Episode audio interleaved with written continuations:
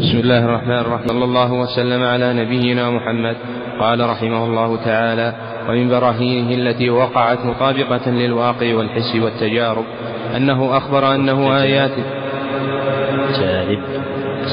والتجارب أنه أخبر أنه آيات لأولي الألباب لقوم يعقلون ولأولي النهى وهي آيات كثيرة تبين أن أهل أن أهل أن أهل العقول وأرباب البصائر بقدر ما أعطوا من هذه النعمة الكبرى من العقل الرصين واللب الكامل والرأي الصائب يكون حظهم من هدايته وإرشاداته والانتفاع به. فتأمل هداة هذه الأمة وأئمتها ومرشديها هل تجد أكمل منهم عقولا وألبابا وأصوب, وأصوب آراء وتأمل هل يوجد هل يوجد هل يوجد مسألة أصولية أو فروعية أو فروعية أو فروعية في في هذا الدين قد شهد أحد في هذا الدين قد شهد أحد من العقلاء المعتبرين على فسادها أو نقصها وكل من وكل من قدح في شيء منها بين بالبراهين المعترف بها بين العقلاء أن الخلل في عقله ولبه وفهمه أو في قصد أو في قصده وإرادته. وإذا أردت تفصيل هذه الجملة العظيمة فاقرأ كتاب العقل والنقل لشيخ الإسلام والمسلمين والمسلمين ابن تيمية. وكيف برهن بالبراهين العقلية على ضعف عقول القادحين في شيء من هذا الدين. وأن ما زعموه عقليات عقليات جهليات وخرافات وقد تحدى الباري جميع الناس أن يأتوا بمثله أو ببعضه أو بعشر صغر أو بعشر صغر أو بصورة من مثله. وهذا هو عين هذه المسألة. ومن ذلك ما ذكر الله من إحكامه لكتابه وأنه لا يأمر إلا بكل معروف وصلاح ولا ينهى إلا عن المنكر والفساد. وقد استمرت له هذه الأوصاف الجليلة في كل وقت وزمان وجرت إرشاداته الجميلة صالحة لجميع الأوقات والأحوال والأشخاص. فليرنا المنكرون حكما واحدا من أحكامه مخالفا لهذا الوصف الذي أخبر به حين إنزاله. وتحقق, وتحقق تحققا تحققا لا ينكره إلا مباهت أو مقلد له فهو الذي يصلح, يصلح لكل وقت ولا يصلح الأمم صلاحا حقيقيا سواه. وقد أكمل الله به الدين وأتم به النعمة وقد تحقق هذا بتكميله العقائد والأخلاق والأعمال والأحوال كلها. والدنيا والدين وكل قصور وتقصير حاصل في كل وقت فلفقده أو نقصه. وهذه الجمل والأصول العظيمة نتحدى بها جميع البشر وأنه جاء بجميع المحاسن والمصالح الظاهرة والباطنة ونهى عن القبائح والمضار الظاهرة والباطنة. فليأتوا بمثال واحد صحيح مخالف لهذه الأصول التي التي أسسها القرآن وجعلها قواعد يهدي بها البشر على توالي الأزمان. هذه إشارة لطيفة في إخبار القرآن عن أمور محسوسة مشاهدة بالأبصار قد وقعت طبق ما أخبر به. أما إخباره بما تفعله هداية القرآن هداية القرآن في القلوب والأرواح والأخلاق ووجود مخبره كما وصف فأكثر من أن يذكر وأعظم وأعظم من أن ينكر ويعرفه أولو الألباب والبصائر والاهتداء التام بهدايته العلمية والعملية وهم أزكى الناس وأعدل الخلق شهادة وشهادتهم عن علم ويقين ووجدان وحق يقين. فمن ذلك إخباره أنه يهدي بكتابه من اتبع رضوانه سبل السلام وقال والذين جاهدوا فينا لنهدينهم سبلنا فمن جمع, فمن جمع بين هذين الوصفين وهما الاجتهاد التام وبذل المجهود في مع, مع حسن القصد لطلب رضوان الله أداه السبيل الموصلة إليه وإلى دار كرامته وحصول الهداية العلمية وهي العلم النافع والهداية الفعلية هداية التوفيق لاتباع الحق لازمة للاجتهاد وحسن القصد لا تتخلف عنهما فمن عدمت هدايته أو ضعفت فلفقدهما أو فقد أحدهما أو ضعفهما وقال تعالى من عمل صالحا من ذكر أو أنثى وهو مؤمن فلنحيينه حياة طيبة ولنجزينهم أجرهم بأحسن ما كانوا يعملون وهذا مشاهد لأهل البصائر أن من جمع بين الإيمان الصحيح والعمل الصالح وهو ما يحبه الله ويرضاه أن الله سيحييه في هذه الدار في هذه الدار حياة حياة طيبة. أن الله سيحييه في هذه الدار حياة حياة طيبة. وأصل الحياة الطيبة طيب القلب وراحته وسروره والقناعة والرضا, والرضا عن الله فلو كان المؤمن الصادق في أضيق عيش لكانت هذه الحياة الطيبة حاصلة له بوعد الله الصادق الذي لا يخلف الميعاد.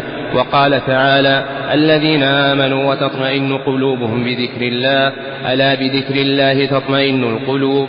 وحصول طمأنينة قلوب المؤمنين الصادقين بذكر الله والأنس به وعبادته أمر لا يمتري فيه أحد من أهل الذوق والوجد وما يجده أهل الإحسان الصادقون من ذوق, من ذوق حلاوة الإيمان وحقائق اليقين والأنس بذكر الله والطمأنينة به. والأحوال الزكية والشواهد المرضية على ما أخبر به الرسول أجل وأعظم من كثير من البراهين الحسية فإنهم وصلوا, وصلوا في هذه الأمور إلى حق اليقين الذي هو أعلى مراتب اليقين والحق. وقال تعالى ومن يؤمن بالله يهد قلبه فقد تكفل الله بهداية القلوب لكل مؤمن صادق الإيمان وإنما يكون مؤمنا حقا إذا حقق أصول الإيمان وكان إيمانه بالمأمورات يطلب منها امتثالها وبالمنهيات يقتضي خوفه تركها وإيمانه بالقضاء والقدر, يعلم, يعلم أن المصائب من عند الله العزيز الحكيم الرحيم فيرضى بذلك ويسلم وهذا أمر معلوم لأهل الإيمان الصحيح. ومن ذلك جميع ومن ذلك جميع ما نذكر ما نذكره في دلالة القرآن على الأخلاق الجميلة الحميدة والأمر بها ونهيه عن الأخلاق الرذيلة. فهذا من براهين التوحيد والرسالة وصحة جميع ما جاء به محمد صلى الله ما جاء به محمد صلى الله عليه وسلم. لما فرغ المصنف رحمه الله تعالى من البرهان الخامس من براهين التوحيد وصحة ما جاء به الرسول صلى الله عليه وسلم وهو ما في القرآن من الإخبار عن الغيوب الماضية والحاضرة والمستقبلة استكمل رحمه الله تعالى بقية البراهين التي قصد إلى إثباتها. مما يتعلق بالتوحيد وصحة نبوة النبي صلى الله عليه وسلم ومضى منها خمسة براهين وأورد في هذه الجملة ثلاثة أخرى. فالبرهان السادس ما وقعت مطابقته للواقع والحس والتجارب أن الله سبحانه وتعالى أخبر عن كتابه أنه آيات لأولي الألباب. أي العقول وأنه آيات لقوم يعقلون وأنه آيات لأولي النهى والنهى جمع نهية وهو العقل لكن سمي بذلك بالنظر إلى أثره فإنه ينهى صاحبه عما يضره ولا ينفعه والقرآن قد وقع كذلك ففيه من البصائر ما يوقن معه أصحاب العقول والألباب والنهى بصحته وجلالته وعظمته ومن ازداد عقله ووفر اطلع على عظيم هداية القرآن وجليل إرشاده وانتفع به انتفاعا كثيرا. وإذا أردت أن ترى صدق ذلك فاعتبر أحوال السابقين من هداة هذه الأمة وأئمتها تجدهم أكمل الخلق تجدهم أكمل الخلق عقولا وأصحهم وأصحهم ألبابا وأصوبهم آراء. ولا تجد مسألة من مسائل الدين جليلة كبيرة أو صغيرة في أي باب من أبوابه إلا والعقلاء متواطئون على تصحيحها ولا يوجد فيه شيء يشهد العقلاء كافة على بطلانه بل من كمل عقله شهد بصحة ما فيه. وكم من امرئ خرج من الكفر إلى الإيمان لما أبصر بدقيق فهمه وجليل عقله عظمة ما في كتاب الله عز وجل وما جاء به النبي صلى الله عليه وسلم من وقوعه مطابقا للواقع والحس والتجربة هدى وبيانا وإرشادا. وما ذكره المصنف رحمه الله تعالى من رتبة المرشد المذكورة في قوله فتأمل هداة هذه الأمة وأئمتها ومرشديها المراد بهم بها الدعاة فيهم وهذا اللفظ مما لم يستعمل في الخطاب الشرعي والمستعمل في الخطاب الشرعي عوضه هو الداعي ولم يأتي في الخطاب الشرعي الداعية وإنما جاء فيه الداعي دونها لماذا؟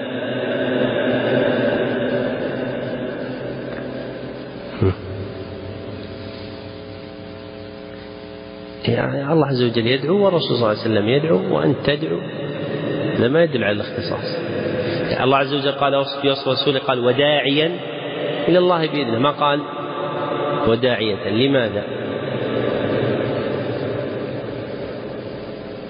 سلام. ها؟ وداعي وداعي كلاهما. دعا يدعو داعي. طيب. تعرفون الفرق بين علامة وعلام ونسابة ونساب؟ ما هو؟ إيه؟ المبالغة العلم نظائر يا إخوان. قالوا إن أن الهاء في التاء المربوطة في علامة ونسابة للمبالغة. فإذا قيل رجل علامة أي بالغ في العلم أعظم قدره. نسابة بالغ في العلم بالنسب أعظم قدره. فإذا قيل رجل داعية فهو بالغ في الدعوة أعلى مراتبها. وهل تقوم الدعوة إلا بهضم النفس وتجريد القصد لله؟ فلا يناسبها التعظيم. لاحظتم؟ لاحظتم النكتة؟ أن الدعوة لا يناسبها التعظيم. ولذا جاءت مجردة عن التاء وقيل الداعي. والخطاب الشرعي يا إخوان له أسرار. لا ينتهي شبع الأبرار منه فإن مجرد بناء شيء على حركة له مقصد. أضرب لكم مثال آخر. مفهوم المعنى هذا؟ عدل عن الداعية إلى الداعي لأن التعظيم لا يناسب الدعوة. والتاء هنا للتعظيم. أضرب لكم مثال الحنيف في القرآن. هل جاء في القرآن حنيف أو حنيف أو جاء كله منصوب؟ كله منصوب. كله حنيفا. لماذا؟ لأن عظم باب النصب وأصله في كلام العرب الطلب. ولذلك أكثر المنصوبات هي المفعولات. ليس المفعولات عندهم كم؟ سبعة. سبعة مفعولات. سبعة مفعولات. وكلها مبنية على باب على باب النصب الذي هو معناه الطلب. فلما كانت الحنيفية مطلوبا من العباد جاءت على هذا الوجه تنبيها بهذا التصرف إلى هذا المطلب ومثله هذا الموضع.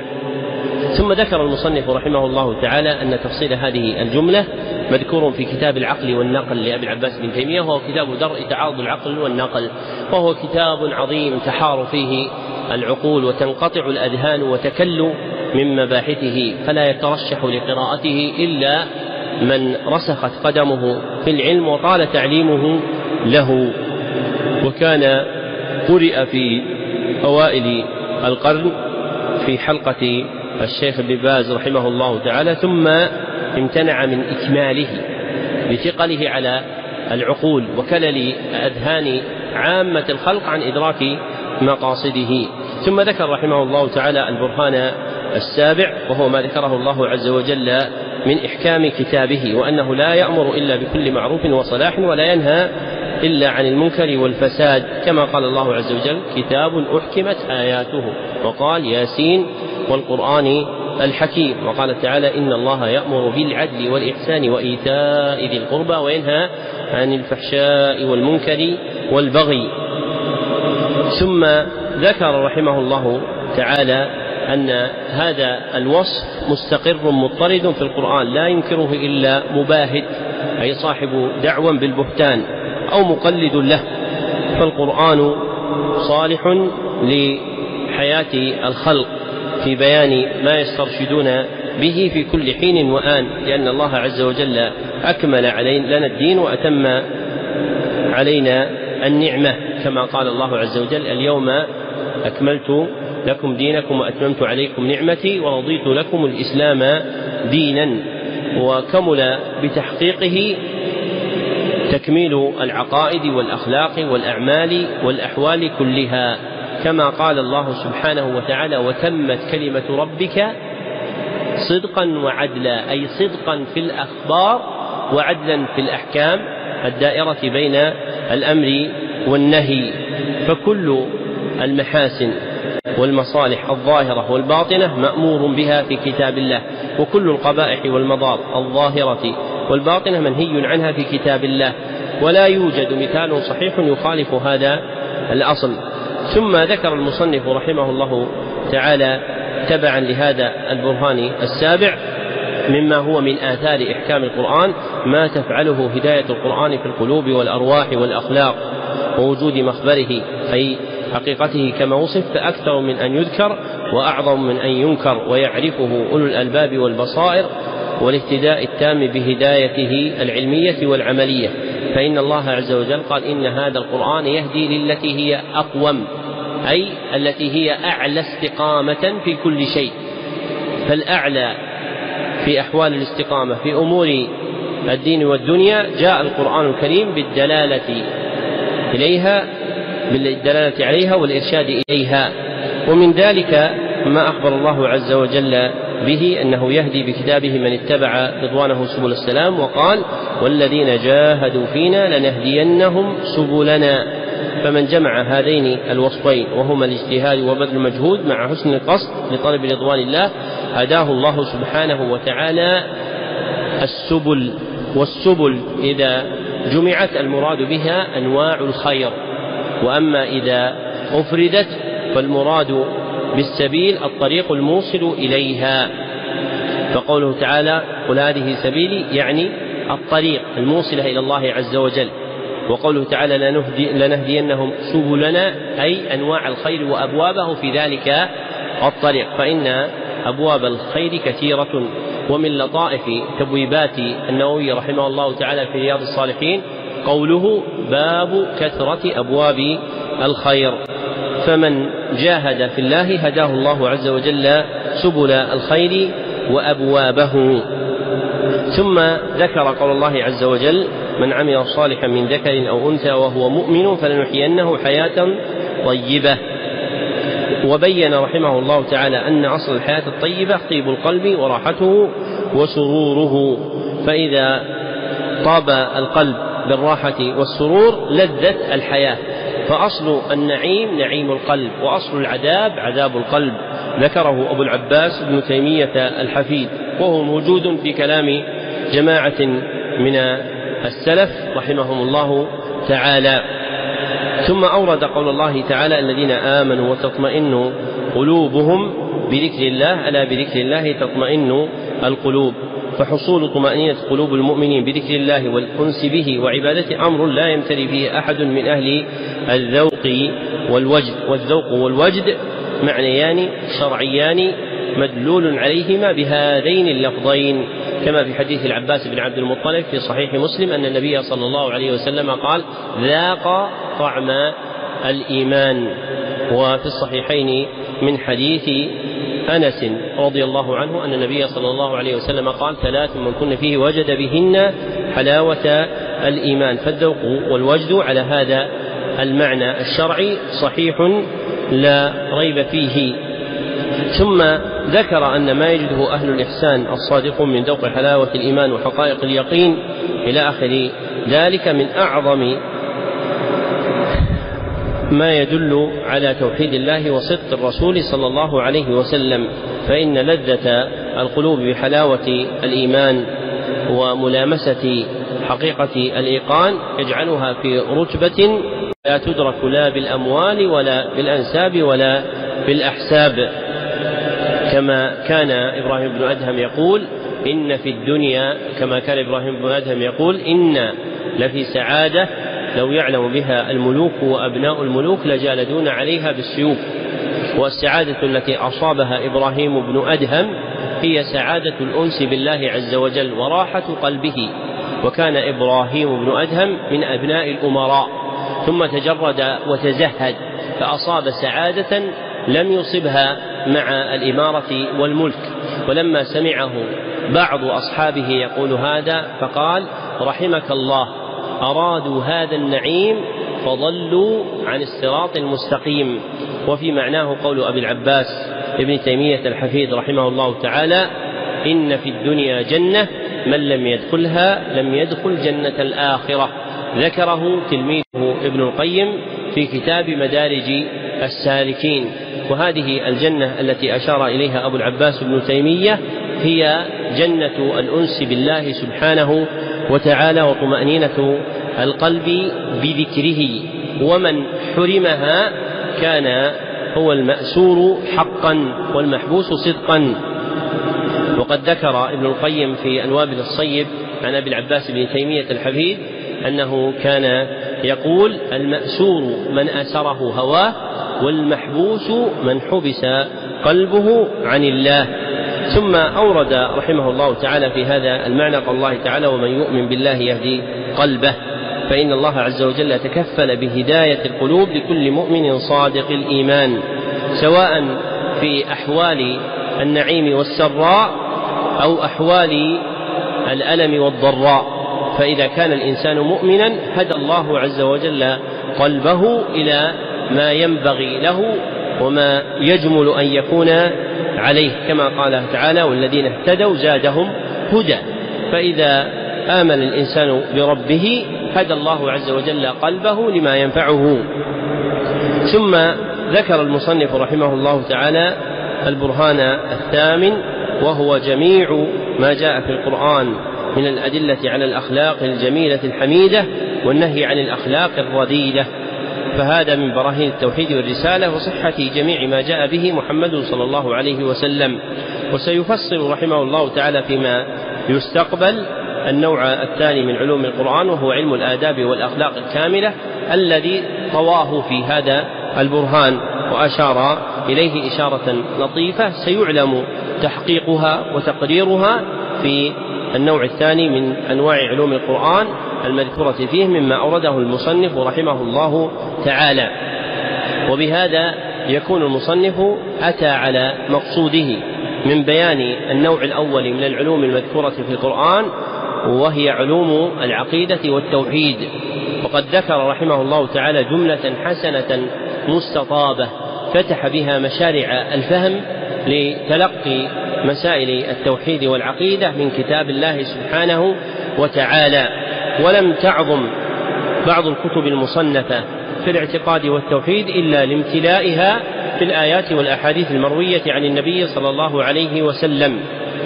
وأجمل الأبواب أن تكون مبنية على هذا الأصل ما تعلق بمعرفة الله سبحانه وتعالى. ومن هنا شرف كتاب العقيدة الواسطية وكتاب التوحيد لأنهما لا يتضمنان إلا الدلائل القرآنية والأحاديث النبوية في أبواب الاعتقاد والإيمان. وهذه الجملة المذكورة في هذا الكتاب لاحقة بهما آخذة برقاب الأصل الذي تعلق به. وينبغي أن يعيده ملتمس العلم مرة بعد مرة لأنه يفهم به مراد الله سبحانه وتعالى فيما ذكره من خبره عن نفسه وما تعلق بأمور الاعتقاد المذكورة في الكتاب والسنة لأن بناء اعتقادك عليها يثمر اليقين في قلبك. فينبغي أن يكون اعتقادك الذي بين جوانحك مبنيا على أصل الكتاب والسنة. فإن من بنى اعتقاده على هذا الباب لم تزعزعه الزوا... لم تزعزعه المزعزعات ولا أزعجته المحركات التي تثور على الناس بين الفينة والفينة إما بشبهة شائعة أو بحال تعتري الإنسان فإن الإنسان ربما عرض له ما يشق عليه في أمر اعتقاده إما بشبهة تروج وتذاع أو بحال تعرض للإنسان يبتلى فيها في نفسه ويطلع على مقدار إيمانه. فأنت لا تتعلم هذه المسائل للحقائق العلمية فقط بل تتعلمها أيضا للحقائق الإيمانية. فإن من رسخ إيمانه بالبناء على اليقين إذا اعترته حال من الأحوال التي تطيف بالخلق كان مستمسكا ثابتا مقبلا على الله سبحانه وتعالى. ومن عجيب الأخبار في هذا ما ذكره ابن حبان في كتاب الثقات وغيره من خبر أبي قلابة عبد الله بن زيد الجرمي رحمه الله تعالى فإنه ذكر عنه حكاية طويلة عظيمة تبين حقيقة الإيمان ومبلغ العقيدة في قلوب المؤمنين بالله سبحانه وتعالى. ومن جمل ما فيها أنه خرج رحمه الله تعالى هربا من الشام لما طلبه بعض الخلفاء يريدونه على القضاء. فأوى إلى جانب من عريش مصر اتخذ فيه خيمة في الصحراء ولم يكن له إلا صغير يقوم على تدبير حوائجه فيحضر له الماء إذا أراد الوضوء ويعينه إذا احتاج إلى إعانة فبلغ به الابتلاء حتى ذهبت يداه ورجلاه بالآكلة ثم عدا سبع على ذلك الوليد فأكله. فبقي وحيدا فمر به رجل فسمع صوتا في الخيمة يقول الحمد لله الذي أنعم علي نعما كثيرة. فسأله هذا الرجل لما قدم عليه ورأى حاله فقال يا هذا أي نعمة لله تربها عليك وأنت على هذه الحال؟ فقال له ألم يبقي لي الله سبحانه وتعالى لسانا ذاكرا وقلبا خاشعا؟ فرأى أن من أقل نعم الله عز وجل عليه أنه أبقى له قلبا يخشع لله عز وجل ولسانا يذكره به. إلى آخر هذه القصة النفيسة وهي من نفائس القصص التي تبين حقائق الإيمان وأن الإيمان ليس مقالة تقال بل حقائق قلبية متى احتاج إليها الإنسان ظهرت على أركانه وجوانحه. فإذا فقدها الإنسان فليجدد إيمانه وإن الإيمان يبلى فينبغي الإنسان أن يتعهد إيمانه بالتجديد. وهذا آخر البيان على هذه الجملة من الكتاب وبالله التوفيق والحمد لله رب العالمين.